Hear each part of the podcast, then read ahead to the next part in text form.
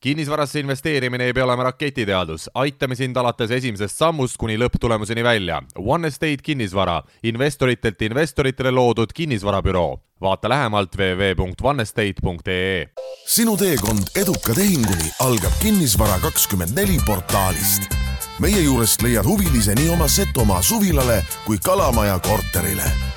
kuuluta õiges kohas kinnisvara24.ee ja kinnisvarajutud podcasti järjekordne episood on eetris, meie oleme Workland Fales, minu nimi Siim Semiskar ja minu kõrval Algis Liblik, kelle tegelik nimi peaks olema üks mõisahärra nimi, ma kuulsin ja. enne saate salvestust. tere, tere, Algis. tere ja, aga las ta jääb, et mingeid saladusi peab ka olema, aga jah, mul kunagi suguvõsas on olnud saksakeelne perekonnanimi, nii et, et see kõlab uhkelt, aga, aga see on see on valitud ringile ainult. ehk siis äh, nime sul küll ei ole, aga see mõisahärra geen on olemas? on, on, on, noh, sellepärast, noh, see paistab kaugele ju okei, ma vist ei oska vaadata, aga, aga okei okay., äh, sul on mingid teatavad äh, reklaamminutid ka meil sisustada, ma tean. ja kuna me salvestame seda saadet kuues veebruar, siis tegelikult sellest salvestuspäevast täpselt enam kahe kuu pärast, siis viies aprill on kõik meie kuulajad oodatud, äh, on meil tulemas selline äge üritus nagu kaksteist tundi kinnisvara, et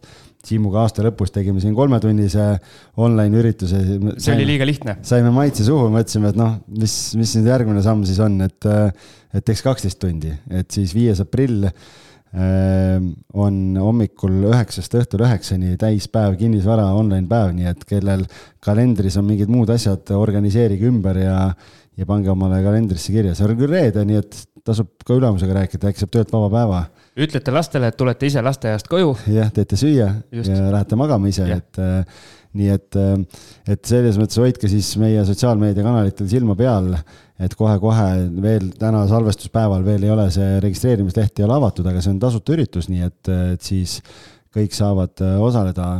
küll pean ütlema seda, et, et kes viiendal osaleda ei saa, järelvaatamist sellele üritusele ei tule, nii et, et kes on, kes on online'is kohal, on kohal ja kes on ilma, see on ilma. ahah, nii karm oledki, jah? no ja, selge. ja nii, et, et kommertsteadaanded sellega vist öeldud, et, et äh, rohkem täna seda väärtuslikku eetriaega ei võta siin. lase kõlli ka, tee mingi kõlli hääl no mul, mul ei ole millegagi teha kahjuks. okei okay nüüd lähme siis tänase külalise juurde, sest me ei ole mitte kahekesi siin, vaid meil on külas ähm, ütleme siis suur raha on meile külla tulnud, ehk siis oleme taas kutsunud ühe Eestis tegutseva panga meile külla. tuba on rahalõhna täis. on? ma jälle ei tunne kuidagi ma ei oska vaadata, silmad on nagu kinni ja, ja nina on ka kinni. sa oled oma remondiga, sul on silmad ja kõik on siin to tolmu täis, jah. okei okay,, aga meil on külas siis Bigbank Eesti äriüksuse juht Jonna Pehter. tervist! kuidas meie sissejuhatus oli, on suur raha meil külas no kuidas võtta noh, ma arvan, et te ise alati mõtlete, et võiks rohkem olla, on ju, ja need, kes kõrvaltvaatajad mõtlevad, et noh, ilged šaakalid ja, ja võtavad meiesugustelt kõik raha ära, on ju, on nii, jah? Äh, ma tahaks öelda, et äh, Bigbank on äh, sel aastal olnud väga tubli, me oleme ilusasti kasumis. Aga kui nüüd rääkida šaakallusest, siis ma võin öelda, et meie kasum on suurte pankade kasumist oluliselt väiksem seda seetõttu, et äh, erinevalt äh, suurtest pankadest meie maksame kogu oma kasutuses oleva raha pealt ka oma klientidele intressi. nii et ma tahaks öelda, et loodetavasti meil on selle võrra rõõmsamad kliendid kui teistel pankadel, sest meie kliendid saavad oma raha pealt raha, teised pangad annavad oma raha niisama kasutada aga teeme selle ka selgeks, kuidas see turuosa jaguneb meil siin Eestis, et kus äh, sellest turuosas see Bigbanki äh, nii-öelda koogitükk on? no oleneb, mis äh, tootes võtta. et me oleme kõige kauem olnud turul tarbimislaenudega ja seal meie turuosa on siis, noh, väga raske on öelda, mis see täisturuosa on, sest et erinevad pangad üsna erinevalt raporteerivad, aga selline kümme, kakskümmend protsenti on meil kenasti olemas kui me räägime kodulaenudest, siis äh, seal, kuna me oleme üsna uus saabuja võrreldes äh, teiste pankadega, et meie hakkasime alles kodulaenu pakkuma kaks tuhat kakskümmend, siis seal meie turuosa on umbes selline viie protsendi ringis. aga tahaks kasvatada. no vot, ja mis see siht on? no kakskümmend oleks ilus. viiendik, võtta ära. noh, selles mõttes, et äh ma ei ole, noh, me ei ole, LHV on meil ka varem saates külas käinud, aga me ei ole kunagi jah, varem niimoodi küsinud, et, et noh, see oleks ju tore, kui Eesti pankadel kõigil on kakskümmend protsenti ja, ja Rootsi pankadel. ja rootslased äh, sõidavad lihtsalt siia külla meile laevaga. unistama peab suurelt. jaa, väga äge, väga äge. aga kuule, aga mul on kohe küsimus me oleme praegu salvestame siin veebruari alguses, teil oli jaanuaris üks päris äkiline kampaania siin aasta algusesse kohe, kus te pakkusite siis äh, teiste panga klientidele enda juures äh, nii-öelda refinantseerimise võimalust, siis äh, intress oli vist üks koma kuuskümmend viis pluss Euribor ja kõik on oodatud, oli see. tulge kõik oli see, oli see slogan, et, et kuidas, tekitas see mingit furoori ka siis või, või mis teil toimus seal? no väga edukas oli et äh, meil tuli jaanuaris kolm pool korda rohkem taotlusi kui äh, tavapäraselt, mis näitab seda, et äh, kui teha väga hea pakkumine ja pakkuda väga head hinda, siis tegelikult turul huvilisi on, on huvilisi nii neid, kes soovivad osta kinnisvara, kui ka neid, kes soovivad siis oma olemasolevaid tingimusi üle vaadata. et ma ütleks, selles mõttes meil see äkiline kampaania tõi äh, täiesti ootuspärased tulemused. kontoris praegu inimesed äh, pead huugavad ja täna on kuues, et on kõik avaldused läbi vaadatud või on veel järjekord taga? töö käib selle nimel, et kõik kliendid saaks kiirelt äh, head vastused ma ei hakanud üle tulema, mul on vanast ajast tiksub üks vana Swedbanki laen, mis on sellise intressiga, et eh, keegi ei suuda praegu sellist see oleks, ma arvan, Bigbankil seal süsteemi terrorisse ajanud, et kuidas, kuidas nii on võimalik, et eh, okei okay,, aga noh, samas ma olen siit-sealt kuulnud, et eh, kõik pangad siin üritavad nii-öelda kuidas ma ütlen, originaalsed olla või siis nii-öelda mingite uudistoodetega välja tulla, et Coobil oli mingi õpetajate laen vist, siis kuskilt kuulsin, et Luminor suisa siin, ma ei tea, üks koma kolmkümmend viis pakub ja tundub, et et, et mingi hirmus hinnasõda on lahti läinud, et, et mis, mis nüüd toimub siis? mina ütleks, et selline äh, eluterve konkurents on olnud vähemalt kahe tuhande kahekümnendast aastast, kui äh, me turule tulime äh, me otsustasime algusest peale, et me tahame teha kõikidele klientidele väga häid pakkumisi ja, ja üritasime ka olla väga sellised noh, äkilised. ehk siis noh, me selgelt ei tule lihtsalt pakkumisi tegema, me tahame, et kliendid ka tahaks meiega edasi minna. ja, ja see, see, et erinevatele kliendisegmentidele tehakse pakkumisi, on, ma arvan, et täiesti ootuspärane ja võib-olla me olemegi selles mõttes kõige laiema fookusega, et me ütlemegi, et me ei piira segmendiga, me teeme pakkumise, kui me teeme pakkumise, siis me teeme selle kõigile. et me ei ürita seal kas noh, ütleme varaklassiliselt või siis äh, kliendi ametipositsiooni järgi teha eraldi pakkumisi ainult mingile väiksele seltskonnale, et äh, ma arvan, et iga Eesti inimene väärib häid tingimusi. ma just tahtsingi küsida, et kas isegi meie Siim Vaidast, Algis Assamallast, Mati Mustamäelt vahet ei ole, kõigile on üks, üks ja sama nii-öelda, kõik on oodatud, jah? loomulikult et noh, ma mõtlesin, et võib-olla mingid piirkonnad likviidsemad kuidagi ja noh, ma ei tea, teil seda erisust kuidagi ei ole? no me natuke ikka eristame, et äh, kui me vaatame, et kui suurt sissemakset oleks vaja nüüd äh, kodulaenu puhul, siis äh, Tallinn ja selle ümbrus siis Harjumaa ja, ja Pärnumaa ja Tartumaa, seal peab olema siis viisteist protsenti sissemakseraha endal või siis kümme protsenti KredExiga ja kõigis muudes kohtades on kakskümmend protsenti vajalik eeldusel, et on tegemist siis elamiskõlbliku äh, elukohaga. sa ise viisid nüüd tegelikult meid sujuvalt sinna järgmise küsimuse juurde, mis algisel kirja on pandud, ehk siis see ohustatud liigi küsimus, mida me oleme siin saates ka LHV-le esitanud, et meie algisega oleme nii-öelda iseendale tööandjad või sellised, ütleme siis ettevõtjad, pluss meil on peres kolm last mõlemal. ja no ütleme nii, et me oleme selline punane lipuke lendab kohe suurtes pangakontorites püsti, kui meie sinna mingi meili saadame. kõik alarmid hakkavad tööle. et äh, kuidas, kuidas teie juures on? meie juures ma arvan, et on väga hästi, et äh, meil on väga palju ettevõtjatest kliente äh, me võtame selle aja, et süveneda ettevõtja rahalisse seisu ja kui on näha, et ettevõtja on võimeline maksma endale palka või dividende, siis me võtame seda sissetulekut täiesti noh, nagu iga teist sissetulekut Äh, ja loomulikult ka suurpered, et kuna Bigbank ka toetab suurperesid, siis äh, väga naljakas oleks, kui me siis äh, ühest küljest valime aasta suurperet ja siis teisest küljest ütleme, et aga vot, me ise nüüd suurperedele häid tingimusi ei paku, et loomulikult pakume. Aga mul on alati tekkinud küsimus ja ma ei ole seda konkreetset vastust saanud, miks pankadel on see suhtumine, et kui ettevõtja maksab nii-öelda enda firmast endale palka, et see on kuidagi riskantsem kui see, kui mõni teine ettevõtja maksab sellele samale inimesele palka. meie loogika algisega ütleb, et sa ise, kui sa oled naha ja karvadega sees ja maksad, maksad nii-öelda endale palka, ise vastutad kogu selle asja eest, siis see on nagu jätkusuutlikum kui see kui mõni teine firma omanik või, või kes iganes võib sind päevapealt ju. hommikul kutsub vaibale ja, ja see nii kindel olnud töökoht ja ühel hetkel seda pole enam. kus see loogika on? Siim, sul on täiesti õigus üldiselt ongi nii, et ettevõtjad on väga head kliendid, neil on väga hästi rahaasjad äh, läbi mõeldud, kui sa saad oma ettevõttega hakkama, üldiselt saad ka oma pere rahaasjadega hakkama. Need ongi väga head kliendid ja te oletegi väga head kliendid. nüüd, mis tuleb arvestada, mida me otsime ja miks me vaatame võib-olla natuke detailsemalt sisse, on see, et ma olen näinud ka selliseid juhtumeid, kus äh, ettevõte ähm, viie aastaga teenib mingi kasumi ja siis ta maksab seda välja, noh, ühesõnaga maksab endale sellises suurusjärgus palka, mis võimaldab siis seda viie aasta jooksul teenitud kasumit maksta täpselt pool aastat välja. ja me ju näeme, et seal ettevõttes ei ole seda raha, et sellist äh, sissetulekut jätkusuutlikult edasi maksta ja me ei näe ka, et seda oleks nagu tulemas.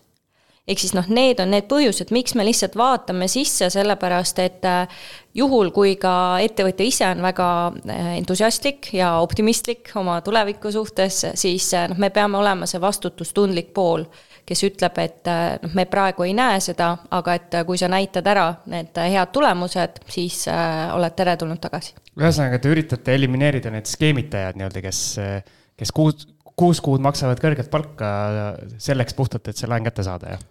me üritame anda vastutustundlikult laenu.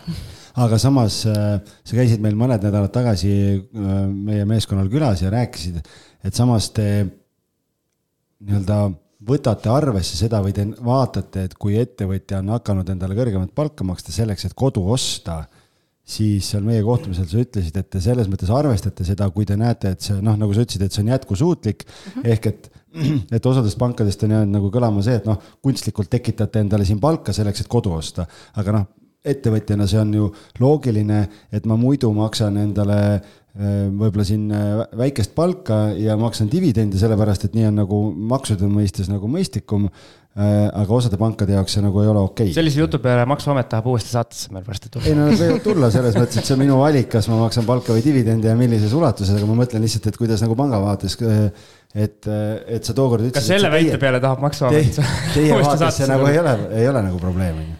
no me mõtlesime ja me arutlesime sel teemal ja me jõudsime selleni, et on väga väike tõenäosus, et ettevõte, äh, kui ettevõttes on piisavad rahavood ja piisav, piisav kasumlikkus, et maksta sarnast äh, sissetulekut edasi, et nüüd ettevõtja ta saab küll ise otsustada, kui suurt palka ta maksab, aga et ettevõtja nüüd vähendab oma palka selliselt, et äh, ta satub makseraskustesse.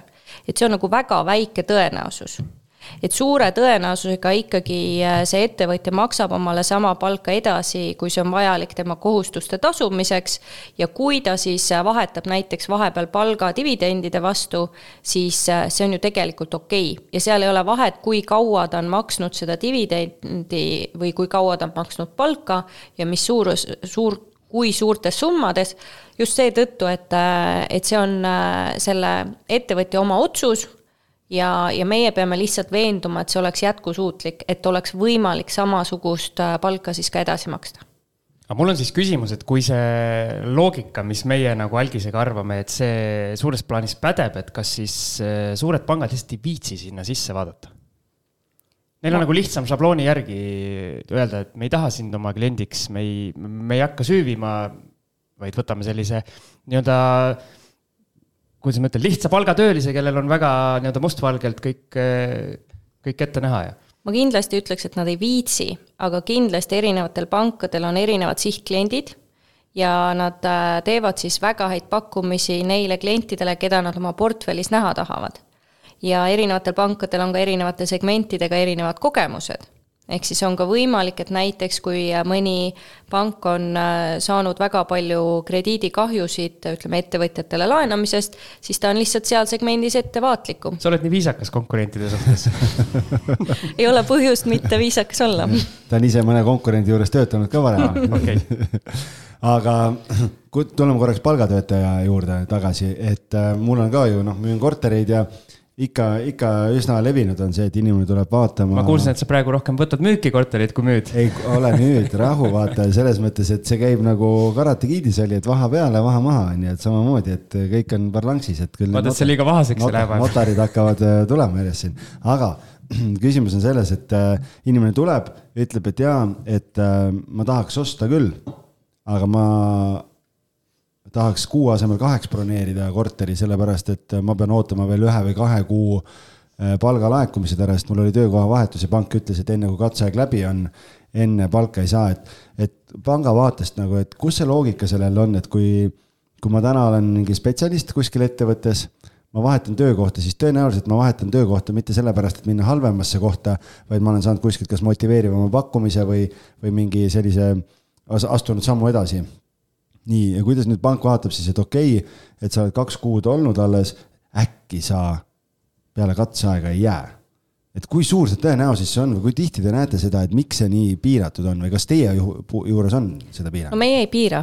Äh, me tahaks seda, et äh, kui äh, inimene on vahetanud töökohta, et me näeksime ka reaalset laekumist.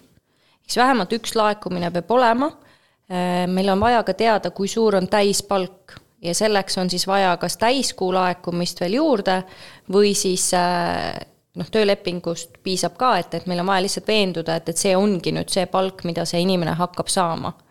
ja, ja me oleme samamoodi mõelnud, et äh, miks peab ootama katseaja lõppu, sellepärast et kui me laenu anname kolmekümneks aastaks siis noh, suures plaanis seal ei ole ju väga suurt vahet, et kui sa näiteks äh, katseaja lõpus võid töölepingu üles öelda kolmekümne päevase etteteatamisega ja katse ajal võid viieteist äh, päevase etteteatamisega, siis noh, päeva lõpuks seal ei ole ju nagu kolmekümne aastase laenu puhul väga suurt vahet, äh, kumb see siis nüüd on. Et, et me samamoodi eeldame, et ikkagi kui inimene jätkab samas valdkonnas, siis ta jätkabki seal, tal on tõenäoliselt paremad tingimused ja, ja me aktsepteerime seda nii et äh, Bigbankis saab ka, ka kohe peale töölepingu äh, või töö, tööandja vahetust äh, laenu taotleda, et see ei ole probleem. sest fakt on see, et mitte ükski inimene, kes laenu võtab, tõenäoliselt kolmekümneks aastaks samale töökohale ei jää, mille pealt tal laenu anti. jah, täpselt nii. ja samas ka ilmselt kui võetakse kolmekümneks aastaks laen, siis see laen ka kolmekümneks aastaks mitte kunagi nii-öelda maksmisele ei jää, et makstakse varem tagasi, on mul õigus? No päris nii ei saa öelda, et kunagi ei jää. no mõni jääb. ikka võib jääda. me küll ei tea, sellepärast et me ei ole veel kolmkümmend aastat pakkunud peame ootama. kodulaene peame no, veel ootama, aga. kodulaen, mitu aastat, mitu aastat tagasi võtsid? Äh, viisteist või kuusteist. noh, aga miks sa ei maksa varem tagasi sellepärast sul tasuta raha käes no vot, et, äh, et nii ta on. aga pinnime siis veel, kui meil on äh, selline väike investor, kellel kuskil näiteks üks korter tiksub kuskil taustal, äh, aga tahab võtta kodulaenu, kui palju ja kas äh, seda ühe korteri üüritulu te arvestate? kui see üüritulu regulaarselt laekub ja laekub kontole, siis võtame ikka arvesse. loomulikult me arvestame, et maksud tuleb ära maksta tervitused Maksuametile. võib saatesse tulla jälle et, äh, et maksud igal juhul me eeldame, et, äh, et makstakse sealt pealt ära, et, äh, et me seda ei eelda, et keegi nüüd kuskil veel mingi pettusega tegeleb. et kui Mati Mustamäelt tuleb teie kontorisse ja ütleb, et no ma siin sulas saan paari korteri pealt veel üüri ka, et pange see ka arvestusse. ja et, et noh, see ei ole jätkusuutlik, et, et nii me ei saa, aga kui inimene üürib korterit välja, siis see on täiesti aktsepteeritav regulaarne sissetulek. me oleme natuke konservatiivsemad lühiajalise rendi puhul et seal on ikkagi väga suur sessoonsus tavaliselt ja seal me ei, noh, ei saa võtta kõike arvesse, et, et see ei pruugi lihtsalt alati nii hästi minna ja pluss siis meie puhul algisega väga aktuaalne teema, ehk siis ähm, need peretoetused ja lasterahad või mis iganes see õige neid, juriidiline. Neid, mida vähemaks võetakse kogu aeg. kogu aeg või? vahepeal pandi juurde ju. noh, see oli korra näpuotsa kanti ja nüüd võeti ära no Bigbank on ainus pank, mida ma tean, kes arvutab tegelikult kliendi maksevõime kogu kolmekümne aasta peale mis tähendab seda, et noh, me teame, et kui on näiteks kolme lapse toetus, siis me teame ju ette, et kui laps on täna kümme, siis ta ilmselt kaheksa aasta pärast saab kaheksateist, et see ei ole ootamatu sündmus. ja me teame seda, et, et siis äh, see sissetulek väheneb. no mis tähendabki seda, et, et me veendume, et, et maksevõime oleks kliendil hea kõigil aastatel, ka peale seda, kui see kolme lapse toetus ära kaob. aga samas on see, et kaheksa aasta pärast noh, palgakasv, kõik inflatsioon. seda me ei tohi arvesse võtta okay., ehk siis siin on väga selged regulatsioonid, me ei tohi teha mitte ühtegi eeldust, et kliendil läheks midagi positiivsemaks. isegi siis, kui me tegelikult usume, et noh, me näeme, et on tõesti hea haridusega noor inimene oma karjääri algusest, noh, me, me oleme täiesti veendunud, et ta läheb midagi paremaks, me anname talle laenu ainult selle pealt, mis täna on kindlalt teada ja täna on kindlalt teada, et kui sul on kümneaastane laps, siis ta saab kaheksa aasta pärast kaheksateist. kui Siim tuleb oma kümneaastase karjääriplaaniga ja ütleb, et näete, ma olen omale valmis teinud, kuidas ma näen, et mida ma järgmise kümne aastaga tahan saavutada ja siis see, see ei sobi, samuti. edu ja ütlete, et näeme jälle yeah.. no mul vaadatakse sellise keskpärase haridusega vana mees tuleb küsima ja see ka ei sobi, et äh, kui sa tuled äh, selle plaaniga, et mul on tegelikult plaanis saada kolm last siis äh, ootame need lapsed ära ja siis äh, saame arvesse võtta, et. eriti kui mees seda ütleb, siis noh, meie nagunii ei otsusta, on ju. no mul on selles mõttes äh, nagu selle või nende peretoetustega hästi, et kõik lapsed on enam-vähem ühes samas vanuses, ehk siis äh, väga pikalt, okei okay,, poliitiline risk on ju alati, et äh, keegi tuleb ja keerab selle, keerab tagasi selle otsuse. no seda ei saa niimoodi päris nagu sisse arvestada, et, et samamoodi siis võib ju iga pensioni ja, ja iga toetuse puhul äh, öelda, et, et äkki see ühel hetkel kaob ära. siis et, ei saa üldse laenu anda välja? no siis ei saagi, sest et noh, siis peaks ju hakkama mõtlema ka, et, et võib-olla nagu inimene võib töötuks jääda ja, ja tegelikult võibki aga noh, me ei saa seda arvestada, et me ikkagi võtame fakte, mis äh, täna on. loomulikult ma pean ütlema, et siis, kui vahepeal tõsteti äh, paljulapseliste perede toetus äh, väga kõrgeks, siis me päris kogu seda summat ei julgenud arvesse võtta. aga, aga muidu, muidu ikkagi see, mis me näeme, et on jätkusuutlik, seda võtame arvesse. ma küsin teise äärmuse ka ära. emale tervitused siin. tervitame.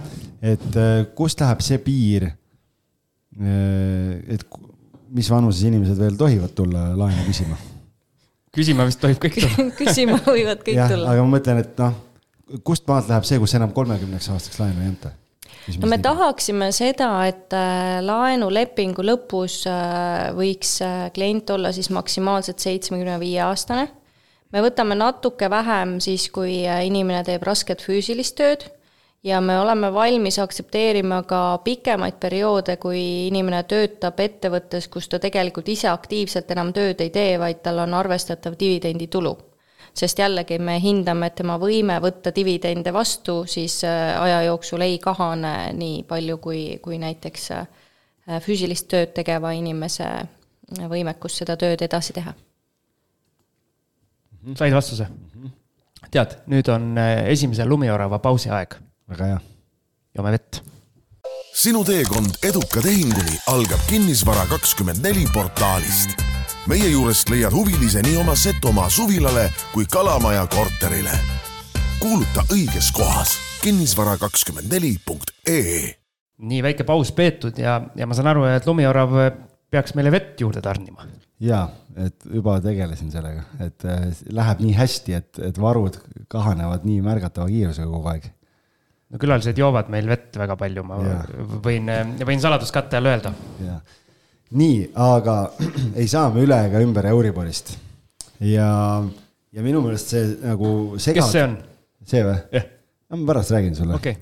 et äh, kuidagi mulle tundub, et see segadus nagu ei taha vaibuda, et äh, ühelt poolt on, vabandust, ma loen uudiseid, kus Euroopa Keskpank ütleb, et ei noh et äh, praegu tingimusi mitte mingil juhul ei saa leebemaks muuta, sellepärast et ikkagi tuleb endiselt nagu hoida ja, ja ohjata. ja siis paar päeva tagasi tuleb uudis, et aprillis muudab Eesti Pank nõudeid selle kohta, kuidas siis kommertspank peab arvutama maksimaalselt inimeste laenuvõimekust, kui taotleja soovib uut kodulaenu võtta endale, et äh, räägi nüüd natukene, mis nüüd siis tegelikult toimub? No ma arvan, et täna on kõik turuosalised äh, ühel nõul selles osas, et Euribor väga palju enam kasvama ei hakka. Äh, ja, ja noh, mis väga palju, ma arvan, et üldse ei hakka kasvama.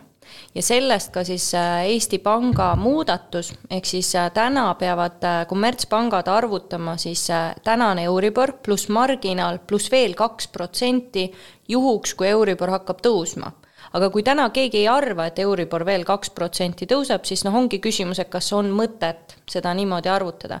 et see uus loogika on väga lihtne, et äh, kui äh, intress pluss marginaal tuleb alla kuue, siis tuleb arvutada kuueprotsendise intressiga ja, ja kui tuleb üle kuue, siis selle tegeliku intressiga ja selle võrra saabki äh, tegelikult anda rohkem laenu, just seetõttu, et see hinnang on realistlikum ja ei arvestata seda varu juurde olukorras, kus tegelikult äh, see varu võib-olla ei ole ka põhjendatud.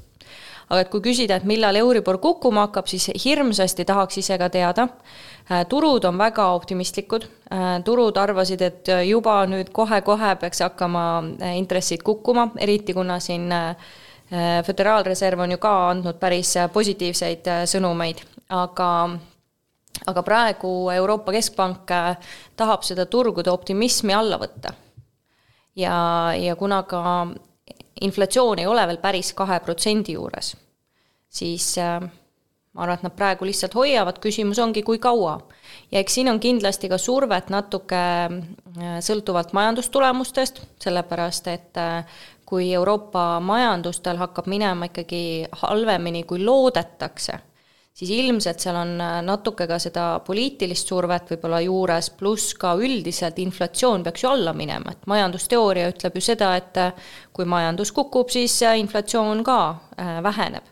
et see peaks ka aitama tegelikult Keskpanga inflatsiooni eesmärki saavutada ja siis saab hakata Keskpank ka juba ikkagi oma intressimäärasid langetama ja see on siis rõõmus uudis kõigile kodulaenu ja liisinguomanikele, et siis peaks hakkama ka Euribor kukkuma. kui palju teil siis, kui see Euribori järsk tõus oli, kui palju teil pangast tuli inimeste pahaseid kõnesid eh, vastu võtta, et miks mu intress niimoodi kogu aeg tõuseb, et kui jälle see kuue kuu Euribori arvutamine oli mõnel inimesel kodulaenuga ja ta intressimakse seal hüppeliselt kohe kerkis, et kas inimesed nii-öelda tajusid, miks see juhtus või, või enamus ei teadnudki, mis asi see nii-öelda pluss Euribor seal intressi taga tähendab? ma arvan, et sellest oli nii palju juttu, et äh, sellist asja, et keegi oleks nüüd meie peale konkreetselt pahane olnud, et äh, miks te mulle uue graafiku saatsite, et, et seda ei olnud. Äh, küll aga väga raske oli tol hetkel laenu välja anda. sest et sa arvutad ju inimese maksevõime välja ühe intressimääraga ja nüüd kaks päeva hiljem sul on see intress suurem mis tähendab seda, et, et tol hetkel sa ei taha enam nagu noh, sa ei saa anda nii suurt summat, et see oli nagu hästi keeruline aeg. ja, ja meie äh, laenuotsused kehtivad üldiselt äh, kaks kuud. ja, ja siis me üritasime teha selliseid otsuseid, mis siis tõesti saaks ka kehtida kaks kuud, sest noh, me ei taha ju ka kliendile öelda, et kuule, et äh, otsusta nüüd täna ruttu ära, et, et homme on sul laenusumma väiksem, et see ei ole vastutustundlik, et inimene peab saama mõelda oma laenuotsuse ilusasti läbi ja otsustada, et kas ma võtan praegu laenu või mitte. aga jah, see oli äh, väga põnev aeg. kusjuures meil ju siin saates on ka mitmed külalised ja algisel ka maaklerina mitmed, mitmed juhtumid, kus inimene saigi vahetult enne tehingut või mm, -hmm. või äh, nojah, põhimõtteliselt enne, enne notarit vahetult teada, et see laenusumma vähendati X summa võrra. kümneid tuhandeid ja, ja, ja, et oli jah no me pigem proovisime teha niimoodi, et me oleme algul natuke konservatiivsemad ja me ei muuda oma otsust, sest et see ei ole inimese suhtes aus. sa oled arvestanud, et sa saad selle osta, sulle tehakse pakkumine nagu lõplik pakkumine komitee otsusega. ja, ja see ei ole lihtsalt aus, kui sul viimasel hetkel vana üürilepingu või üles öelnud juba üürilepingu ja kõik asjad ja, ja tegelikult ja, kogu täpselt. elu on pea peal, on ju. täpselt aga mul on küsimus korra nende laenukomiteede kohta, et minule eh, on nagu mulje jäänud, et see on nüüd niimoodi, et kui mul on see laenuhaldur, eks. Eh, no mul on siin viimasel ajal rohkem, rohkem puutumist olnud ärilaenu poolega ja mul on üks hästi tore ärilaenuhaldur ühes Eesti pangas ja, ja mulle tundub, et see asi käib niimoodi, et mina nii-öelda räägin temaga läbi, tema kõik teab, mis mu plaanid on ja niimoodi. ja siis tema võtab oma selle mapi kaenlasse ja läheb kuskile pimedasse hämarasse ruumi, kus hästi kõrgel istuvad, ma ei tea, viis-kuus sellist hästi tähtsat inimest. sellised äh, suured hõlstid on seljas. nagu eksamit lähete tegema. just nagu eksamit ja siis ta kannab ette selle ja ütleb, et anname nüüd talle laenu ja siis käib selline ütleme nii, nii-öelda selline kompamine ja kuulamine ja siis lüüakse haamriga nii-öelda otsus, et jah või ei. on see nii või?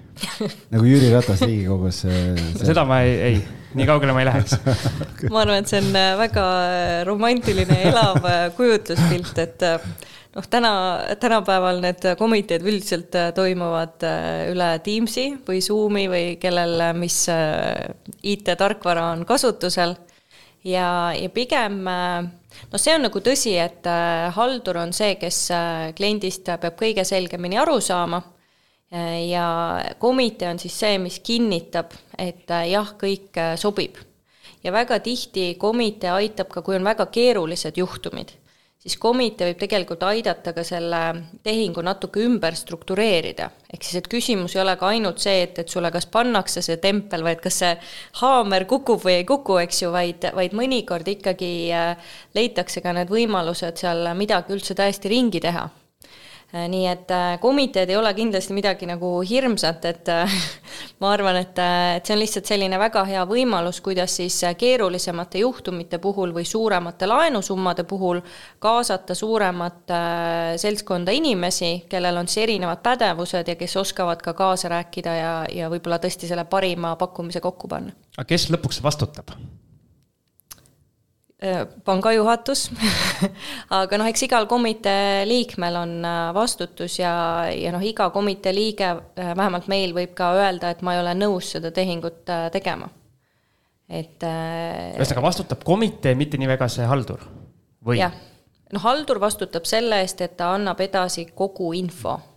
Ja, ja, ja õiglasel ja, ja ausal viisil ja siis äh, komitee vastutab selle eest, et äh, see info on üle vaadatud ja, ja siis on tehtud äh, otsus vastavalt komiteete pädevusele. ehk siis halduri peale ei tasu pahaseks minna, kui see laenuotsus on negatiivne? tema reeglina, kui on hea haldur, siis nii-öelda tema reeglina on selle kliendi poolel ja, ja üritab seda laenuotsust siis nii-öelda maha müüa või?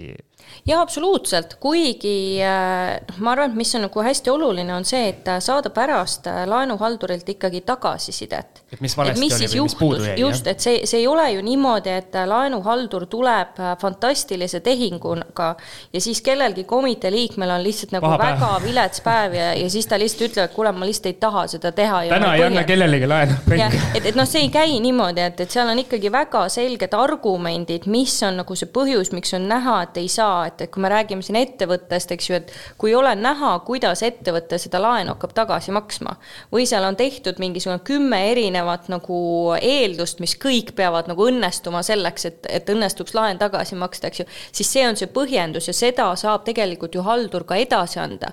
ja siis saab ju need asjad korda teha, et, et ega see ei ole ju niimoodi, et, et need on nagu niisugused mustvalged äh, probleemid, et äh, nüüd täna ei tulnud välja, see tähendab, et järgmised kümme aastat nagu laenu ei saa, et. see on nagu olümpiasportlane, et ühel olümpial põrub, siis peab neli aastat ootama no õnneks meil on nagu olümpia toimub kaks korda nädalas. ma, ma siin kohe torkan vahele, et äh, üks on komitee küll, aga me oleme siin mõlemad, ma arvan, kuulnud lugusid sellest, kuidas ikkagi noh, et, et, et sa vist sattusid nagu ikkagi nagu halva halduri otsa või kuidagi või noh, et sõltub ikkagi nagu väga palju inimesest ka. ja ma toon sellesama teema lauale, ma arvan, kuulajatel on ka sellest kasu, et sa saad äkki selgitada, äh, kuna ise just siin äh, refinantseerisime siin ühe teise Eesti pangaga ära ühe oma korteri eh, laenu, siis Bigbank meile laenu anda ei tahtnud ja mul on see email on ees, eh, mida siis teie haldur mulle kirjutas ja, ja ma kohe viskaks selle siia välja. nii, ta kirjutab, et vaatasin finantsandmed üle hetkel on ettevõtte omakapitali tase X protsenti, ma ei hakka seda protsenti ütlema, on ju. selleks, et laenulepingusse minna, peab omakapitali tase olema vähemalt kakskümmend protsenti koos uue laenuga. et kui on ref-, soov refinantseerida erainvestorilt võetud laen, siis omakapitali tase jääb samale tasemele. nii, aga siis noh, meil oli tegelikult kahe korteri tehingu raames küsisime ja siis ta kirjutab lihtsalt, et kuna see teine korter, et sellega seoses siis korteri soetamise korral langeb omakapitali tase veel. Ja omakapitali taset mõjutab olulisel määral ettevõtte kasum ja siis ta tahtis teada meie prognoosi nii-öelda siis aasta lõpuks, see oli kuskil seal neljanda kvartali alguses, kui me sellega tegelesime. ja siis muidugi teine finantskovenant, mida te mõõdate, on see laenukordaja, kattekordaja, DSCR on ju, et see peab olema üks koma kaks et äh, minu küsimus nüüd on selles, et äh, teised pangad andsid äh,. Keegi ei küsinud omakapitali taseme kohta mitte midagi, mitte ühtegi kommentaari, et mis värk sellega on no see on äh, natukene selline noh, jälle nii, nagu ma rääkisin enne, et igal pangal on erinev riskiisu ja igal pangal on siis ka erinevad äh, sihtkliendid ja, ja erinevad reeglid. et äh, paraku on niimoodi, et äh, mingisugused standardtingimused tuleb panna paika ja ilmselgelt ka on ettevõtteid, kellele võib-olla nad nagu objektiivselt teevad natuke liiga ehk siis äh, kui äh, võtta no, arvesse, jaa, muidugi, ma püüan olla empaatiline praegu, eks ju, et, et kindlasti sinu ettevõte on, täielikult väärib seda laenu. Aga? Aga, aga et, et noh, see ongi see, see osa, et, et sul peavad olema mingid standardtingimused, sellepärast et vastasel juhul sa ei jõua pakkuda piisavalt kiiresti ja, ja mõistlikel tingimustel neid laene ja, ja noh, need standardtingimused, need on natuke nagu selline ülikond, eks ju, et, et sulle kas läheb see selga või ta ei lähe sulle mulle enamus standardid ei lähe.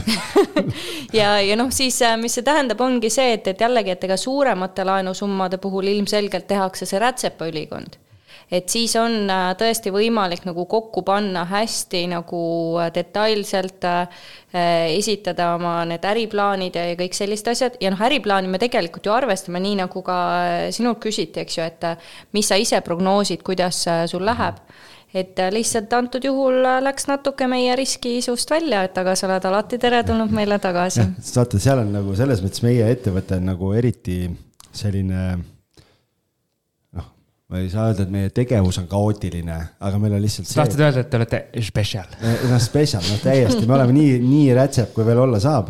sellepärast, et kuna meil on nii palju erinevaid teenuseid eh,, haldus ja siis on sisustamine ja remont ja mingid asjad, siis väga palju on seda olukorda, kus eh, Mati Mustamäelt võtab ühendust, tal on, eh, me aitame tal osta korteri siis me aitame tal selle ära renoveerida, siis tihtipeale on niimoodi, et mingi, et meil on nagu nii usalduslikud suhted oma klientidega, et me mingitel perioodidel on päris arvestatav hulk omakapitali on kinni mingite klientide objektide all ja siis, kui töö on valmis, siis me esitame teise poole eest arve, nad maksavad meile ära.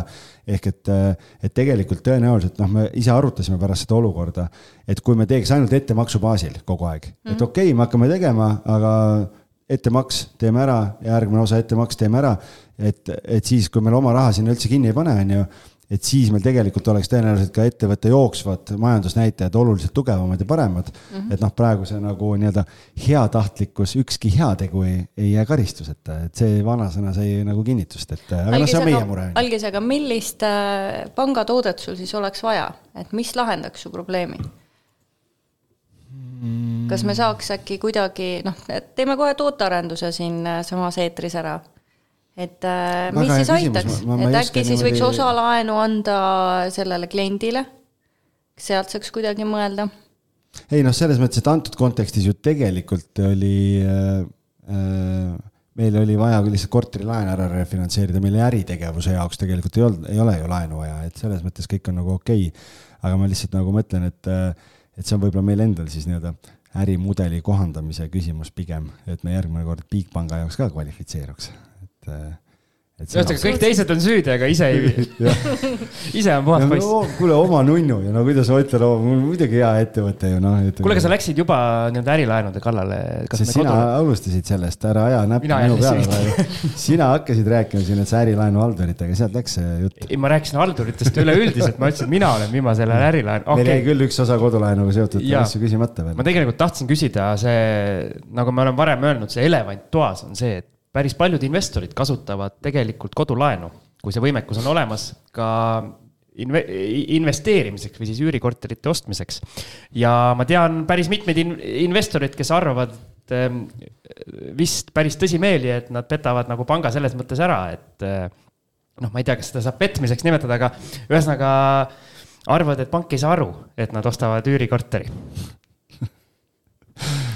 ausalt öeldes. laseme Jonnal ära naerda vaikselt korra Äh, mis on hästi huvitav, mida ma olen äh, märganud, kui ma jälgin erinevaid äh, arutelusid foorumites, siis ma olen vaadanud, kuidas täiesti normaalsed, tublid, ausad inimesed leiavad, et valetamine on okei okay ainult siis, kui sa valetad pangale ja, ja see on täiesti äh, noh, kui loe korra selle, selle pilguga, eks ju. ehk siis, kuidas nagu foorumites antakse nõu, kuidas valetada pangale, nii et pank nagu aru ei saa. ja need ei ole kuidagi mingid sellised inimesed, kes oleks kuidagi nagu noh, et, et nad noh, et, et oleks põhjust arvata, et nende väärtushinnang ongi see, et on okei okay valetada. aga vot pangal on okei okay valetada. ma viskan siia vahele, et ma arvan, et meiegi ei ole patust puhtad siin saates jah, aga noh, kui me nüüd tuleme selleni, et algis räägib alati tõtt. Aga, aga noh, kui me tuleme nagu selleni, et äh, eks me nagu mingites kohtades äh, noh, ütleme niimoodi, et äh, kõik need skeemid, kus klient arvab, et ta tuleb täiesti uudse jutuga, siis noh, uskuge mind, me oleme kuulnud seda. et ei ole midagi uut siin päikese all ja, ja noh, lihtsalt ühel hetkel me peame nagu kuhugi tõmbama selle joone, et äh, kuhu maani me hakkame nagu uurima. ja, ja me lihtsalt valimegi, et me usaldame klienti. et see ei ole mitte see, et me ei saa aru, aga noh, me teame seda, et siin on sõna sõna vastu ja, ja noh, las ta olla. ja teine asi on ka see, et ega päriselus ka ju plaanid muutuvad eks. et sul võibki olla nagu olukord, kus äh, sa mingil perioodil näiteks sul ongi üks korter Tallinnas, üks korter Tartus, sest sa noh, liigudki kahe linna vahel ja sa nagu päriselt sel hetkel, kui sa ostsid selle korteri, sa plaanisidki seda ise kasutada. aga nüüd, kui sa oled nagu pool aastat kahtesi kommunaale ja kahte laenumakset maksnud, on ju, siis võib-olla tuleb nagu see mõte, et äkki see ei ole väga praktiline, et, et mul oleks mõistlik ikkagi noh, raha kokku hoida ja, ja välja üürida. et noh, selliseid asju ju ikka juhtub aga noh, üldiselt äh, ääretult meeldiv on see, kui kliendid on ikkagi ausad ja, ja tulevadki. Ja sellepärast me tegime ka omale eraldi äh, noh, toote, ütlemegi seda, et, et äh, me tegelikult pakume ka kodulaenu üürikinnisvara jaoks. Sellepärast, et klient ei peaks valetama, sest enne oli see, et keegi nagu üürikinnisvara jaoks kodulaenu ei tahtnud teha, tehtigi siis kinnisvara tagatisel laenu alt, eks ju aga et miks me ei võiks seda siis teha kodulaenu alt, et ei ole nagu ühtegi põhjust iseenesest, et et ja, ja see on väga okei okay,, kui klient tuleb ja, ja ütleb, et ma soovingi osta omale üürikorterit ja, ja võib-olla kunagi annan lapsele, see on üks päris selline äh, tavapärane viis nagu lapsele investeerida, eks ju. me saaks siis kolm korterit niimoodi yeah. annan lapsele tulevikus. jah, jah. ei, aga miks mitte? ei, muidugi, aga kuidas need äh, nii-öelda ma ei tea, mis see õige sõna on, mingid riskimaatriksid või kuidas need erinevad, kodulaen, kus inimene läheb äh, reaalselt ise sisse elama versus äh, nii-öelda kodulaenuga üürikorter, kus ta hakkab siis üüritulu teenima? no ega ta väga ei erine tegelikult, sest et laen on laen ja kliendil peab olema piisavalt raha, et, et see laen tagasi maksta mõlemal juhul et noh, ühel juhul ju tegelikult tal lisandub veel äh, sissetulek, see üürisissetulek, olukorras, kus me ei arvesta, et see lisandub, et me oleme veendunud, et see inimene suudab seda laenu tagasi maksta ka siis, kui tal ei ole see välja üüritud, eks. noh, mis tuleb arvestada, on lihtsalt see, et KredExi käendust ei saa kasutada näiteks äh, üürikinnisvara puhul, et see on, ma arvan, et hästi-hästi oluline vahe. aga, aga muidu ei ole, ei ole eriti teistmoodi midagi kuule, aga ma vaatasin teie kodulehekülge, et äh, muidu on ikka niimoodi, et enamus pankadel on noh, et sa saad kodu, kodulaenu või siis on kodukapitalilaen või on eralaen või noh, mingid erinevad nimed, et teil on kaks toodet, teil on kodulaen ja kodulaen üürikinnisvara ostuks mm. -hmm. mille poolest need erinevad? no nende laenu nimedega on äh, üldiselt äh, selline mure, et kuna teatavasti eraisikutel ei tohi teha laenureklaami vaid sa võid öelda ainult toote nime. siis me ei saa öelda, tule võta kodulaenu üürikinnisvara ostmiseks. aga me saame öelda, kodulaen üürikinnisvara ostmiseks. sest see on toote nimi.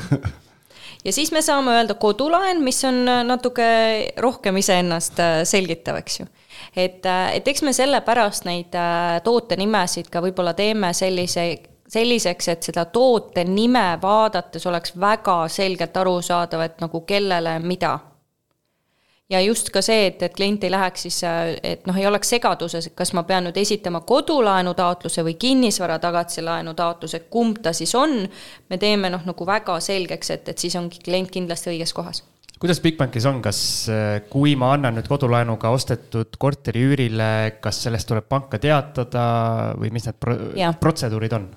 Protseduur on see, et tuleb teavitada, et see läheb ka notariaalsesse lepingusse ja see üürileping peab olema turutingimustel. mis tähendab seda, et ei tohi teha üürilepingut, kus sa üürid hinnaga kümme eurot kuus, sellepärast et see reaalselt äh, halvendab selle kinnisvara turuväärtust. noh, et seda nagu hiljem oluliselt raskem äh, müüa. kui on turutingimustel, siis, äh, siis noh, seal iseenesest midagi hullu ei ole notari laua taga annan teada, et mul nüüd, mu plaan muutus. et, et ma annan, annan üürile. aga ei, eh, ma tahtsin tegelikult sinna juurde küsida seda, et sa ütlesid turutingimustel, kas see, noh, mis on ka üsna levinud jälle, et ostan eraisikuna korteri, annan tasuta kasutamise lepinguga ettevõttele kasutada ja siis ettevõte üürib välja, kas see on turutingimustel antud? kui ettevõte üürib välja turutingimustel, siis jah okei okay,, aga kuidas sina panga vaatest vaatad seda, et keegi annab tasuta kasutamiseks ettevõttele, üüriraha laekub sinna, noh, kõik see pool, teie jaoks on seal mingi probleem, ei ole? ma ei näe, kuidas see on, üldse peaks meid huvitama kuidagi, et, et noh, meie jaoks ongi vahe, et kas seda kasutatakse ise või üüritakse. Äh, aga kui üüritakse, siis see, kas seda üüritakse ettevõtte alt või eraisikuna, noh, seal tõesti ei ole vahet teie jaoks on oluline, et laen oleks makstud ja niikaua, kui sellega on kõik korras, siis ei ole probleemi. ja just ka see, et, et me ju tegelikult laenu andes ei arvesta selle tuleviku sissetulekuga. vaid et äh, juba olemasolevatest sissetulekutest, olemasolevate kohustuste juures klient saab seda laenu tagasi maksta. et seega see, kui see uus sissetulek tuleb kas nagu ettevõtte alla või eraisikuna, noh, see ei puuduta seda olukorda, et sa ütlesid, et see üürimine läheb siis kuidagi notariaalselt sinna sisse, mis see tähendab? no notarilepingusse läheb sisse, et noh, kuna tagatist ei tohi kahjustada ja seal on ka erinevaid muid punkte, et tuleb kindlustada selleks, et tagatis ei saaks kahjustada. aa, see punkt läheb sisse, et tuleb teavitada või? see, aa okei okay,, ma mõtlesin, et ma mõtlesin, notarilepingus läheb see sisse, et et mina kui siis ostja pean ütlema, et ma annan selle üürile, aga siis ma võib-olla ei tea veel seda ja et juhul, kui sa mhm. plaanid anda üürile, siis aru. peab teavitama ja ei tohi äh, olla siis mitte turutingimustel. kui suur protsent teil on selliseid äh, nii-öelda kodulaenuga ostetud kortereid, mis reaalselt on üürikorterid? või see on nüüd ärisaladus või? tead, ma ei oska öelda äh, sellepärast just, et minu meelest meil ei ole võimalik eraldi statistikat välja võtta nüüd nende klientide kohta, kes on hiljem näiteks muutnud seda otstarvet et tol hetkel noh, neid kliente, kes võtavad algul, neid noh, kokkuvõttes ei ole väga palju äh, protsentuaalselt, sest enamik ikkagi ostavad oma kodu. aga, aga on ikka, jah. ma nüüd esitan ühe väite ja siis sa saad kas noogutada või, või pead raputada, et vastavalt sellele ja võib-olla kommenteerida ka ühesõnaga, mina väidan seda, et äh, kui ühel hetkel pangal on see laen antud ja äh, mina kui laenuvõtja maksan seda igakuiselt õigeaegselt tagasi, ühtegi eh, mingit viivitust, midagi ei tule, probleeme ei ole, siis, siis põhimõtteliselt pank eh, unustab selle, nii-öelda unustab selle asja ära, mitte ühtegi mingit lipukest kuskil püsti ei tõuse. ja enne, kui ma ise midagi torkima ei lähe, siis, eh, siis nii see ongi. kas üürimise osas? ükskõik, ükskõik no päris nii ei ole, et kui sa kindlu-, ei kindlusta näiteks siis seda me väga märkame nojah, ma mõtlen, et kõik on nii nagu, nii nagu peab, et kindlustus on peal, laenumaksed laekuvad, kõik, kõik mm,. aga mis, mis asi saaks, mis sündmus saaks üldse seda lipukest tõsta? ei, ma lihtsalt see oli minu väide. mina just mõtlen teistpidi ikka, ma läheks sinnasamma tagasi jälle, et on see pime ruum, kus komitee koguneb ja siis nad vaatavad kogu aeg ekraani peal jooksevad kõikide. Siim võttis kümme aastat tagasi laenu, vaatame, nii ja, saadame seal. valitud eriti, valitud eriti kahtlased seltskonnad äh, jooksevad siis välja. ei, paraku nii ei ole jah, sest et äh, noh, me töötleme kliendi andmeid ikka täpselt äh, sihtotstarbeliselt ja täpselt nii palju, kui on vaja, nii et, et seda, et meil keegi töötaja käiks lihtsalt igaks juhuks juhuks äh, monitoorimas või vaatamas või guugeldamas midagi läbi, et noh, et meil ei ole põhjust seda teha. kümme korda rohkem inimressurssi ka selleks olema, tõenäoliselt no tänapäeva ai ah, okay. ajastul. lasete jällegi... mingi skripti tööle ja siis. ja, ja, aga noh, jällegi nagu ma ütlesin, siis äh, kuna meil ei ole põhjust seda teha, et äh, siis noh, ei näe, et, et see oleks juhtumas. kas meil on veel kodulaenudega mingi teema või teeme ühe lumiorava pausi ja lähme räägime veel ärilaenudest? ma arvan, räägime ärilaenudest, jah. väike paus kinnisvarasse investeerimine ei pea olema raketiteadus, aitame sind alates esimesest sammust kuni lõpptulemuseni välja. One Estate kinnisvara, investoritelt investoritele loodud kinnisvarabüroo. vaata lähemalt www.onestate.ee. oleme pausilt tagasi ja nagu lubatud, siis lähme ärilaenude manu ka, et kuna meil on kuulajateks päris palju kinnisvarainvestoreid, siis kindlasti see ärilaenu pool nii-öelda kuum teema meil on ja, ja ütle, kas, kas Bigbankis on mingid nii-öelda stop Eh, stamptingimusi ka, et näiteks eh, ettevõte peab olema tegutsenud X arv aastaid eh, ja mis iganes, mingid suhtarvud peavad paigas olema ja kõik, kõik. no algis juba tegi kõik meie need piirid isikliku Teatavaks. kogemuse baasil kindlaks, et noh, täpselt nii ongi, et, et me eeldame, et see laenuteeninduse võime peaks olema üks koma kaks. et noh, see ongi kõige olulisem osa, et, et kas, kas me näeme, kuidas seda laenu hakatakse tagasi maksma ja, ja ei ole, tegevuse ajal ei ole otseselt äh, vahet, küll aga noh, me tahaks siis näha, kuidas äh, ikkagi see laenu tagasimaksmine toimub, see võib tähendada siis seda, et on olemas ka head äh, sissetulekud, noh, mingi äriplaan on ju, võib-olla on juba ostetakse koos leping, kehtivate lepingutega kinnisvara, et siis me selle projitseerime kõik selle tuleviku rahavood ja, ja kui on näha, et, et sealt saab ilusasti laenu tagasi maksta, siis on ju kõik hästi kui on nüüd selline ettevõte, millel või tähendab, mille põhisissetulekud ei ole see kinnisvara, mis näiteks ostetakse või nii-öelda üürimine üldse, et on nii-öelda põhitegevusest pidev rahavoog peale, siis kas te seda arvestate nii-öelda täies mahus, pluss siis see, kui ma ostan üürikinnisvara sinna kõrvale, et siis, siis ei tohiks nagu probleeme tekkida? ja ei tekigi, et meil ei ole oluline mitte see, et nüüd iga projekti see rahavoog eraldi seisvana oleks siis äh, positiivne ja piisavalt suur. et me ikkagi vaatame ettevõtet tervikuna, et ettevõte peab suutma seda laenu tagasi maksta.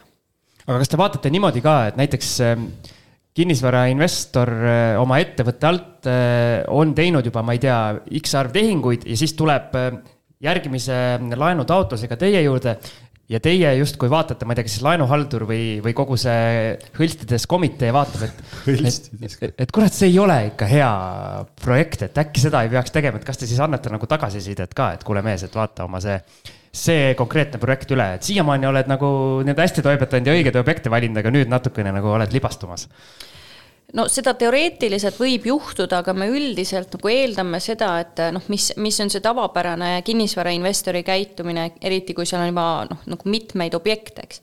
et siis noh, mis tehakse, on siis see, et ühe lae-, ühe laenu äh, hind kasvab, eks ole, või selle kinnisvara hind kasvab, siis on võimalik selle tagatisel võtta ju nagu uus laen, eks ju, osta uus korter ja, ja niimoodi, et et ja see kõik on väga okei okay., aga tulemusena on see, et erinevad laenud on siis äh, erineva pikkusega. Ja, ja noh, ma väga loodan, et äh, ka meie haldurid sellises olukorras äh, aitavad leida selle parima lahenduse, näiteks võib-olla see parim lahendus ongi see, et kõik laenud lihtsalt refinantseerida üheks eks ju, ja teha see nagu periood pikemaks niimoodi, et see laenuteenindusmäär tuleks ilusasti välja. ja, ja noh, seda me ikkagi üldiselt oma halduritelt ka eeldame, et, et ta tegelikult noh, mõtleb kaasa selle nagu murega või, või selle nagu eesmärgiga, eks ju. et see ei ole ainult see, et kui klient tuleb ja ütleb, et näe, ma tahan nüüd seda ühte laenu, sa ikkagi vaatad tervet seda ettevõtet ja sa nagu pakud ise välja selle võimaluse. et noh, ma arvan, et sellepärast on ka nagu hästi oluline see, et just võrrelda neid pakkumisi, et noh, et me kogu aeg räägime, et eraisikud peavad võrdlema kodulaenu pakkumisi, kõiki pakkumisi, eks ju. aga täpselt samamoodi ettevõtted peaksid samamoodi võrdlema. sellepärast, et noh, pangatöötaja hea haldur, nagu me rääkisime, eks ju, et ta on natuke nagu selline perearst, eks ole, või, või isegi nagu finantsjuht, eks, et, et ta aitab sul nagu välja mõelda, et aga kuidas siis saaks. ja seal ongi hästi oluline, et sa lihtsalt räägid ära, et näed, et ma tahan teha sellist asja, noh, leia mulle see lahendus ja, ja seal, seal sulle võib-olla öeldaksegi, et näed, et siin sul on, ma ei tea, liiga suur äh, võimendus, eks ju, siin oleks vaja mingi laen tagasi maksta, midagi võiks refinantseerida, eks ju. ja noh, kui me vaatame praegust sellist natuke mm, noh, kõrge Euriboriga ja natuke ebakindlat aega, et äh, ma arvan, et on äh, täiesti hea mõte oma need laenud kokku panna ja pikaks finantseerida, et sa saad oma selle igakuise makse väiksemaks, eks, ja, ja saad seal siis ikkagi kasumlikult tegutseda ma olen äh, omast kogemusest või ütleme siis järele proovinud ja võin öelda, et kui sa ühele pangale oled justkui ärilaenudega käe andnud, siis tegelikult äh, kuskile teise panka kogu portfelli ümber finantseerida, see on piisavalt kulukas. ehk siis see tasuvusmäär lõpuks äh, on nii pikk, et seda ei ole mõtet teha. vähemalt minu, minu kogemusest minul ei olnud seda mõtet teha ehk siis ma võtsin pakkumised erinevatest pankadest, sain mujalt ka nii-öelda veidi paremad tingimused, aga, aga minu tasuvusmäär selle juures oleks olnud äh, äkki kaks aastat vist, pluss ma oleks mm. pidanud meeletut tööd tegema, kõik hindamised ja kõik asjad ja mm, -hmm. ja kõik asjad üle viima ja ehk siis nagu, ehk siis see esimene valik ikkagi on üsna oluline jaa, väga nõus, väga nõus, aga noh, väga tihti vahetatakse ka siis, kui ütleme, oma pank ei paku enam seda, mida, mida vaja oleks, eks ju, et ei taha ühte laenu veel juurde anda. aga võib-olla teine pank ütleb, et okei okay,, et aga me oleks valmis andma, eks.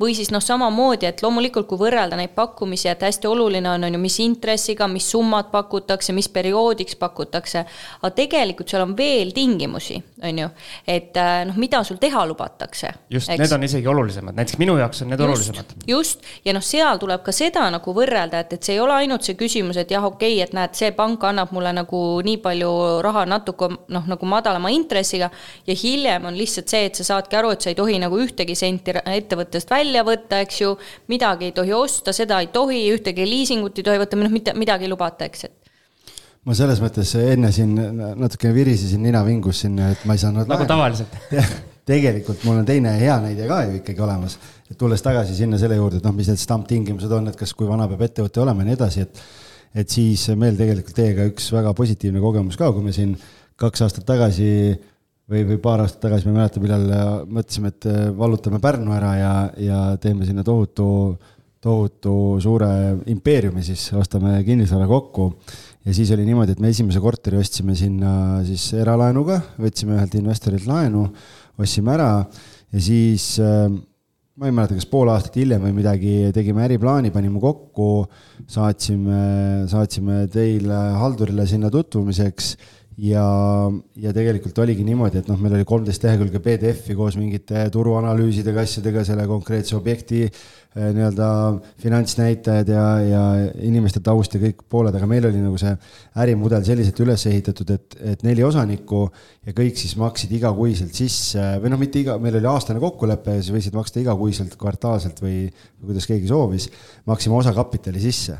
Ja minu jaoks positiivne üllatus oli see, et, et Bigbank ütles, et jaa, pole probleemi, muidugi saate laenu ja, ja tore oli ka see, et üks koht, kus tekkis arutelu, aga mis, mida võeti arvesse, oli see, et esialgu esimene vastus oli see, et noh, et see DSCR jääb madalaks, on ju, et ei saa äh, ikkagi vist, aga siis oli see, et ma selgitasin ära äh, selle poole, et me maksame seda osakapitali kogu aeg juurde ja siis tuli see vastus, et okei okay,, et me arvestame seda justkui laekuvat üüri, ehk et tegelikult ettevõttes tekib raha kogu aeg juurde. ja noh, siis oli see, et meil oli see igakuine laekumine oli umbes, ma ei tea, kolm korda kõrgem kui see laenumakse või midagi. Mhm. -huh. ja, ja me saime ilusasti selle laenu kätte ja, ja mis oli veel positiivne, oli see, et noh, meil oli see mure, et enamus pangad kipuvad käsi ära siduma, kui sa kui sa tahad siis kasvatada portfelli siis sa väljaspoolt raha juurde võtta ei tohi, ehk et ainult panga abiga. aga meil nagu alustava nii-öelda ettevõttena, kes tahab kiiresti kasvada, siis me nii-öelda saime nõusse selle tingimuse, et meil oli teatud nii-öelda summa siis, milles me leppisime kokku, et me võime kasutada sedasama mudelit, et, et olla kogu aeg löögivalmis, et nii kui me leiame mingi hea objekti, me võtame kuskilt äh, sealtsamalt erainvestorilt laenu, ostame ära Mm -hmm. siis refinantseerime mingi hetk jälle nagu teie abiga ära ja see ka mm -hmm. sobis ja see oli mm -hmm. nagu see, et ma vaatasin, vau, et, et ei ole midagi nii raamides kinni need asjad, et saab nagu, saab nagu rääkida küll, kui äriplaan on korralikult läbi mõeldud nagu mm. -hmm. aga täpselt nii ongi ja, ja noh, ma ütlen, et nii nagu me erakliendi laenude puhul, siis ka ärikliendi laenude puhul me lihtsalt üritame kaasa mõelda, eks ju et äh, nii palju kui vähegi võimalik ja ma arvan, et meil on äh, väga mõistlikud tingimused ja, ja teisest küljest me ka kuulame kliente, et, et noh, nagu ma, ma, ma nagu ilma asjata ei küsinud, et aga et noh, mis see toode oleks, mida, mis su probleemi lahendaks et ma arvan, et see on ka hästi oluline aru saada just, et kui sul ongi nagu mingi noh, mingi nagu mure, eks ju. me oleme näiteks mõelnud, et päris palju on kinnisvara flippijaid, eks ju. et noh, miks meil ei võiks olla neile mingisugune lahendus? võiks võiks. absoluutselt nõus, et võiks, äh, püüame teha eks.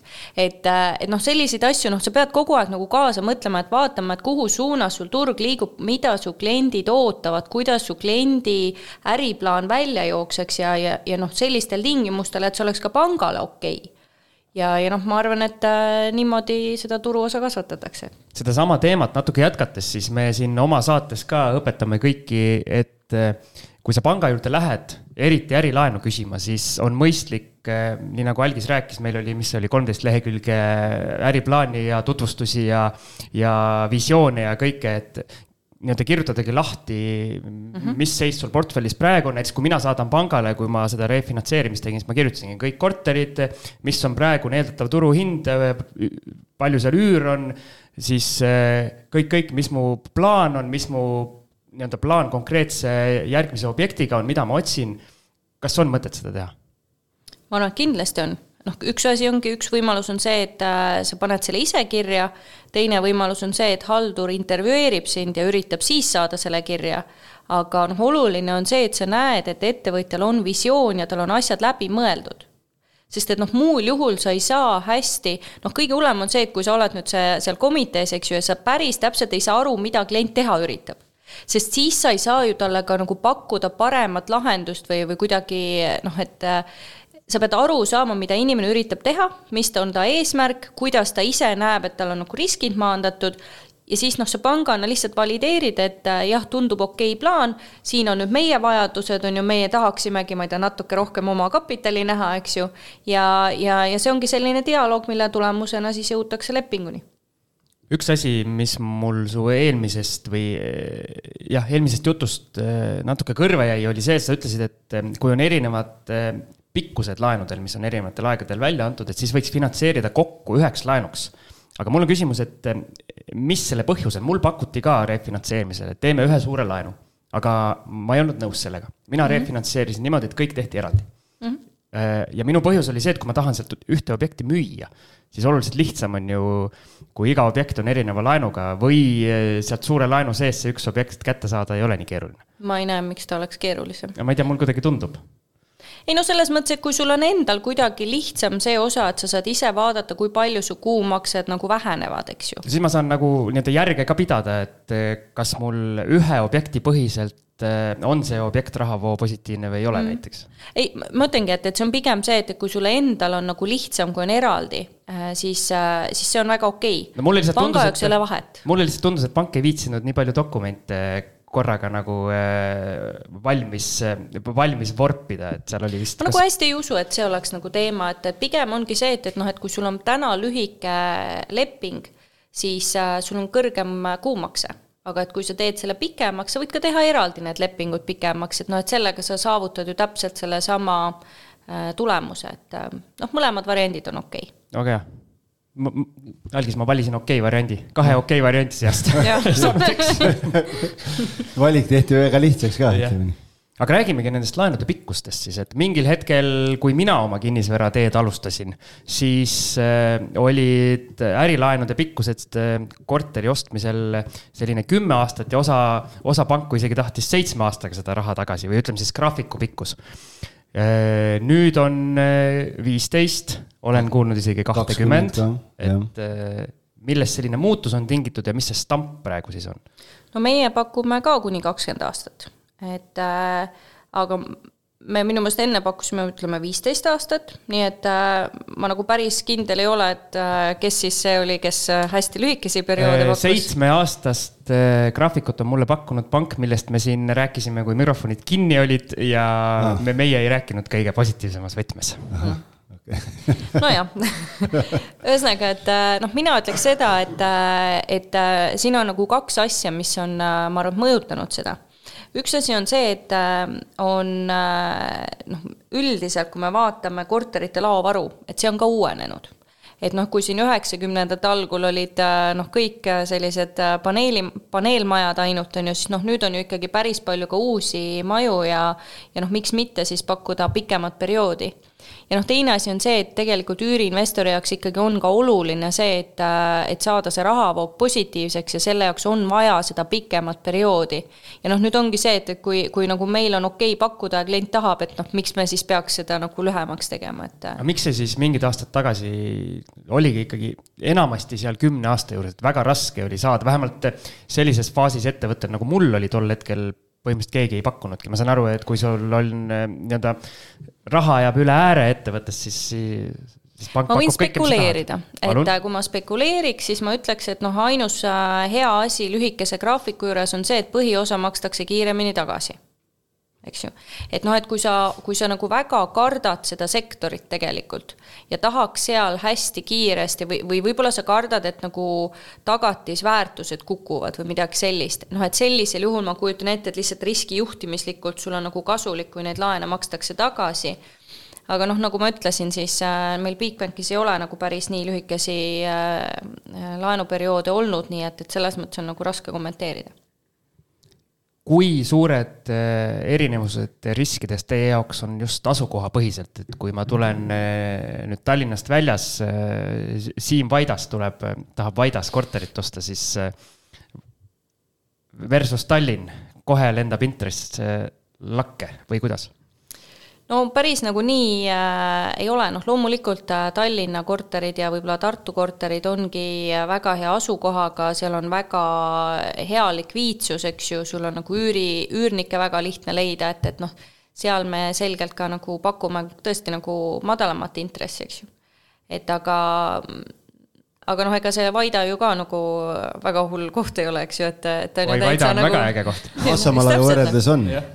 mis mõttes just täpselt, et noh, et, et ühesõnaga meil on äh, tegelikult, me oleme nagu ähm, lihtsustatult nagu, kui nüüd hästi lihtsustatult ja subjektiivselt öelda, et kuidas nagu noh, palju nagu sisse peaks maksma, mis need intressid on, eks ju. siis äh, noh, ütleme, kui on heas korras vara ja on hea asukoht, on ju, nagu ma ütlen, see on kõik subjektiivne, eks siis äh, noh, umbes võiks laenu saada selline seitsekümmend protsenti vara turuhinnast Äh, ja noh, sellisel juhul on ka intress kõige parem, ehk siis noh, algab seal ütleme Euribor pluss kolm koma viis. Äh, kui nüüd on äh, halvemas seisukorras korter, eks ütleme selline remonti vajav, aga asukoht on hea, eks. et siis tahaks selline noh, ütleme noh, kuuskümmend protsenti võiks anda sellest vara hinnast pank, eks ja, ja noh, siis võiks olla ka intress natukene kõrgem, ütleme selline noh, alates Euribor pluss neli protsenti, eks ju. ja kui nüüd on nagu äh, mõlemad halvad, ehk siis et noh, et asukoht äh, ei ole väga hea ja siis äh, noh, ütleme remonti ka veel vajab, eks ju, noh, siis peaks arvestama, et ütleme, pank on valmis pool panema. hästi konkreetne siis case sulle sellisel juhul, kui näiteks investor nüüd ostab korteri, mis on, nagu sa ütlesid, halvas seisukorras ei pea isegi nii-öelda subjektiivselt vaatama, et on halvas mm, -hmm. ongi halvas, halvas seisukorras, kõik, kõik nõustuvad. aga mhm. plaan on see korda teha ja siis üürile panna, et kas te arvestate siis selle korteri müügiolukorra nii-öelda järgi seda laenu või selle plaaniga, et äh, sinna läheb põhimõtteliselt brigaad peale, kahe kuu pärast on see ideaalses korras ja siis läheb nii-öelda üürile. tead, see on just see flipijate teema natukene, et äh, mille peale me oleme just nagu äh, mõtisklenud, et sinna tahaks teha mingi hea toote, et see on selge vajadus. noh, siin ongi täpselt see, et, et ühest küljest see on niisugune nokk kinni, saba lahti, eks ju, et kui pank võtab kogu raha ära, siis ei saa seda ju korda teha, on ju aga et kui pank ei võtaks seda raha ära, siis saaks ju nagu korteri korda teha, kõik võidaks, eks. Et seega nagu noh, ma ütlekski, et loogiline oleks see, et sa ei võta siis investorilt kogu raha ära, vaid sa võib-olla nagu annadki mingi perioodi siis, mille aja jooksul saab selle nagu korda teha, eks, et et ma arvan, et äh, see on see suund, kuhu me kindlasti mõtleme, et kui on juba mõni huviline, kes tahab esimest noh, nagu esimest katset teha, siis võib pöörduda. no nii, nüüd oleme hoiatatud ma ei tea, mis emaili peale need peavad tulema, aga, aga jo, läheb umbe, läheb umbe see. üldmeil läheb ka umbe.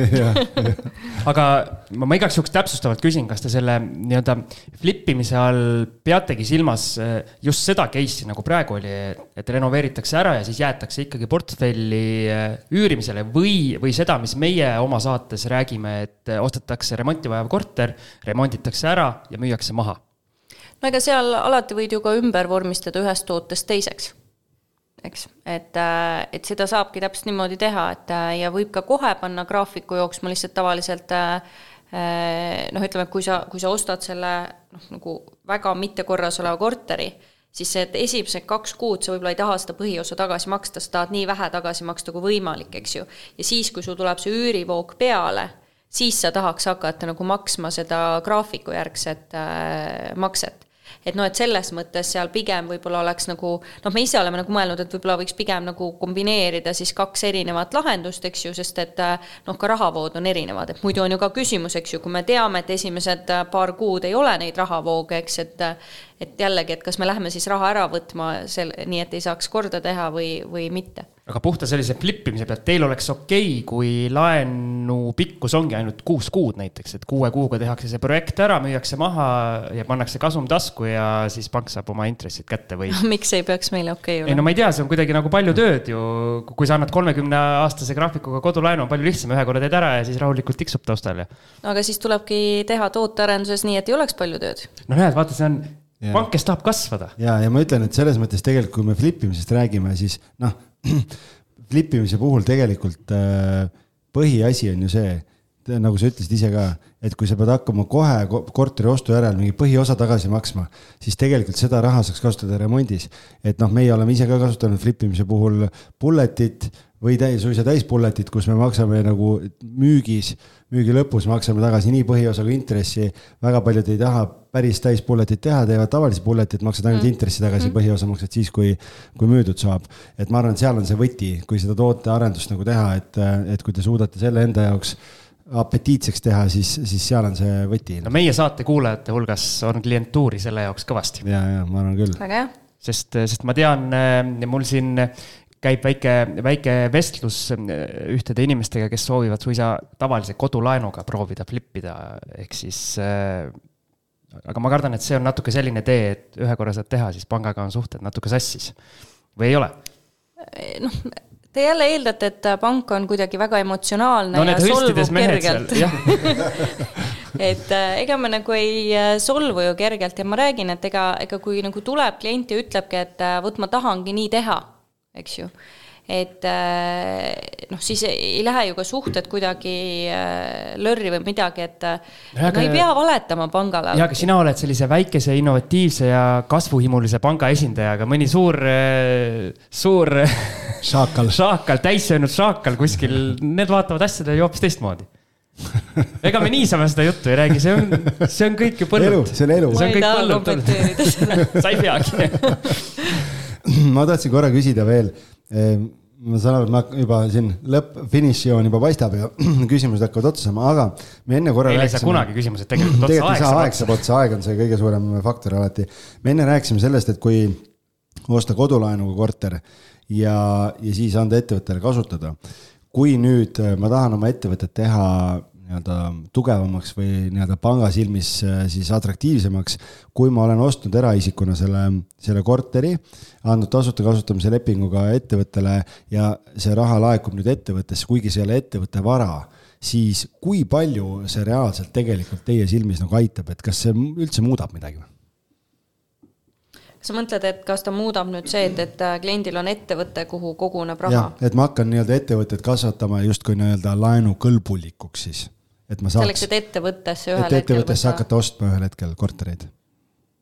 no selles mõttes, et äh, noh, ta selles mõttes ju ikka aitab, et on äh, täiendav käive mm -hmm. seal ettevõttes. ja jällegi, et kui nüüd ärilaenu vaadata. või kuidas?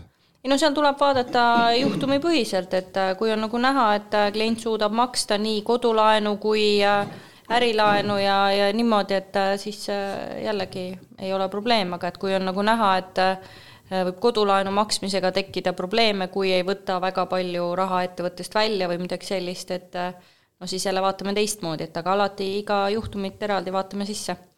aga võtame nüüd mina ja Siim näiteks. Siim on siin äh, Vaida, Vaida kunn ja nii-öelda Tallinna äärealad ja Siimul on viis korterit. Tallinnast väljas, mitte Tallinna äärealad. noh, Tallinna äärealad siis. Siimul on viis korterit iga korter toodab kolmsada eurot ehk kokku tuhat viissada eurot on, on rahavoogu iga kuu ettevõttes. aga mina olen see pealinna kunn, on ju, ja mul on kaks korterit, mis toodavad kumbki kaheksasada eurot ehk tuhat kuussada eurot. no ütleme seitsesada viiskümmend, seitsesada viiskümmend, tuhat viissada, et me oleme nagu käibe mõttes võrdsed, aga Siimul on viis korterit ja mul on kaks. kumb on teie jaoks olulisem, kas objektide arv või igakuine rahavoog?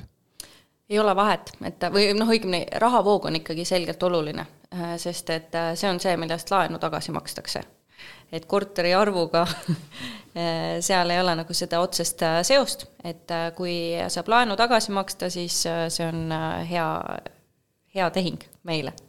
aga mina saan ikkagi kekutada, et. et sa oled mogul, on ju? jah, mul on viis. sul on viis, jah. okei okay., reaalsed numbrid on hoopis midagi muud, sest algisel, algisel ei ole midagi mul on üks, ära valeta, kurat, mis alati laim. vahepeal on tekkinud. jah ei no, algisele on hea naerda tegelikult. ei, mulle sobib, mulle. see on mu suurim rõõm elus peaaegu. Enda üle peab oskama nalja üle, et. aga eh, nüüd lähme naljast natukene kaugemale, ehk siis meil on viimasel ajal või no mitte ainult meil, üleüldse on viimasel ajal päris palju kerkinud üles eh, seda nii-öelda julgeoleku küsimust seoses selle Venemaa, Venemaa sõjaga Ukrainas. et eh, panga vaatest, kui mul nüüd on korter ja, ja tekib reaalne sõjasituatsioon, see korter hävib, aga minul on seal pangalaen peal. mis saab? kas peab surnud hobust maksma äh,? minu meelest see on äh, suhteliselt äh, uskumatu, et kellelgi tuleb üldse pähe, et ta ei peaks oma laenu tagasi maksma. sellepärast, et kui me võtame näiteks, ütleme, minul on sada tuhat eurot ja ma ostan selle eest korteri. ja nüüd äh, juhtub äh, halvim stsenaarium ja see korter, äh, no ütleme, et seda maja enam ei ole, siis mina olen ju miinus sada tuhat eurot kaotanud. ja nüüd eeldada, et kui see laenu ei peaks tagasi maksma, siis see tähendaks seda, et kui ma nüüd laenan selle sada tuhat eurot, siis panga omanik peaks olema see, kellel on siis miinus sada tuhat eurot ja mina jalutan rõõmsalt nagu kaks kätt taskus ära ja, ja noh, see on nagu pigem selline sotsialistlik maailmavaade äh, ja, ja mitte päris äh, see, mis Eestis äh, kehtiv on, et et noh, fakt on see, et kui noh, kui ühe inimese korter noh, on, on nagu tema see kahjum, siis ka teisel inimesel on ja, ja see, et sa oled laenu võtnud, ei tähenda seda, et, et see oleks kuidagi kellegi teise mure. ühesõnaga, laenu peab tagasi maksma, aga tagatis reaalselt on kadunud mismoodi pank siis reageerib, kas äh, noh, nii-öelda kõige äkilisem variant oleks see laen siis nii-öelda kohe tagasi kutsuda, sest tagatist enam ei eksisteeri?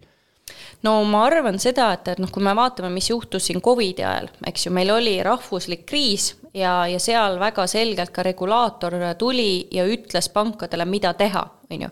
ehk siis öeldigi seda, et inimestel läheb raskeks, see läheb üle palun andke kõigile maksepuhkust, kes küsivad ja te ei pea seda kuidagi oma äh, noh, nagu raamatupidamises kuidagi nagu teistmoodi näitama, saabki lihtsustatud tingimustel.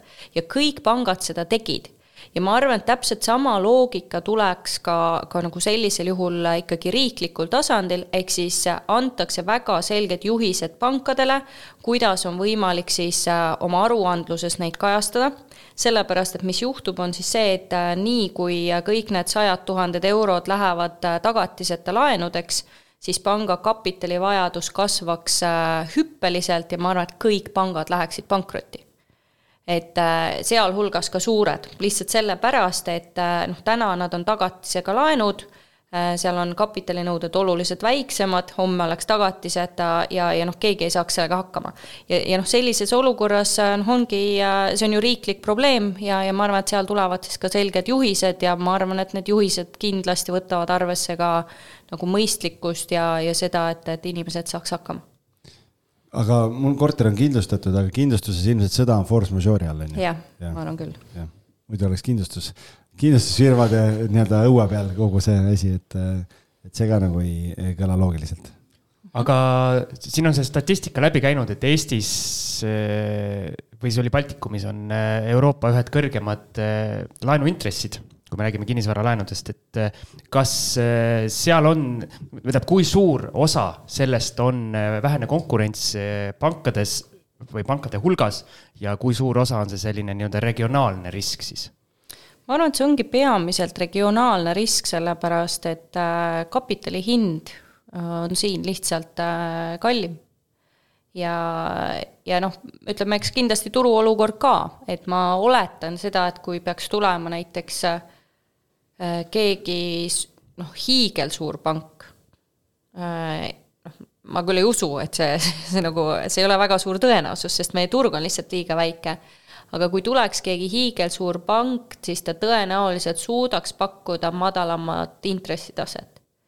Äh, täna noh, ma ei näe, et, et äh, jätku, oleks pikaajaliselt jätkusuutlik äh, pakkuda selliseid üks protsent või alla selle intresse et noh, me korra, korra on sealt läbi käidud ja, ja ma arvan, et täna on nagu selge, et see ei ole pikaajaliselt jätkusuutlik.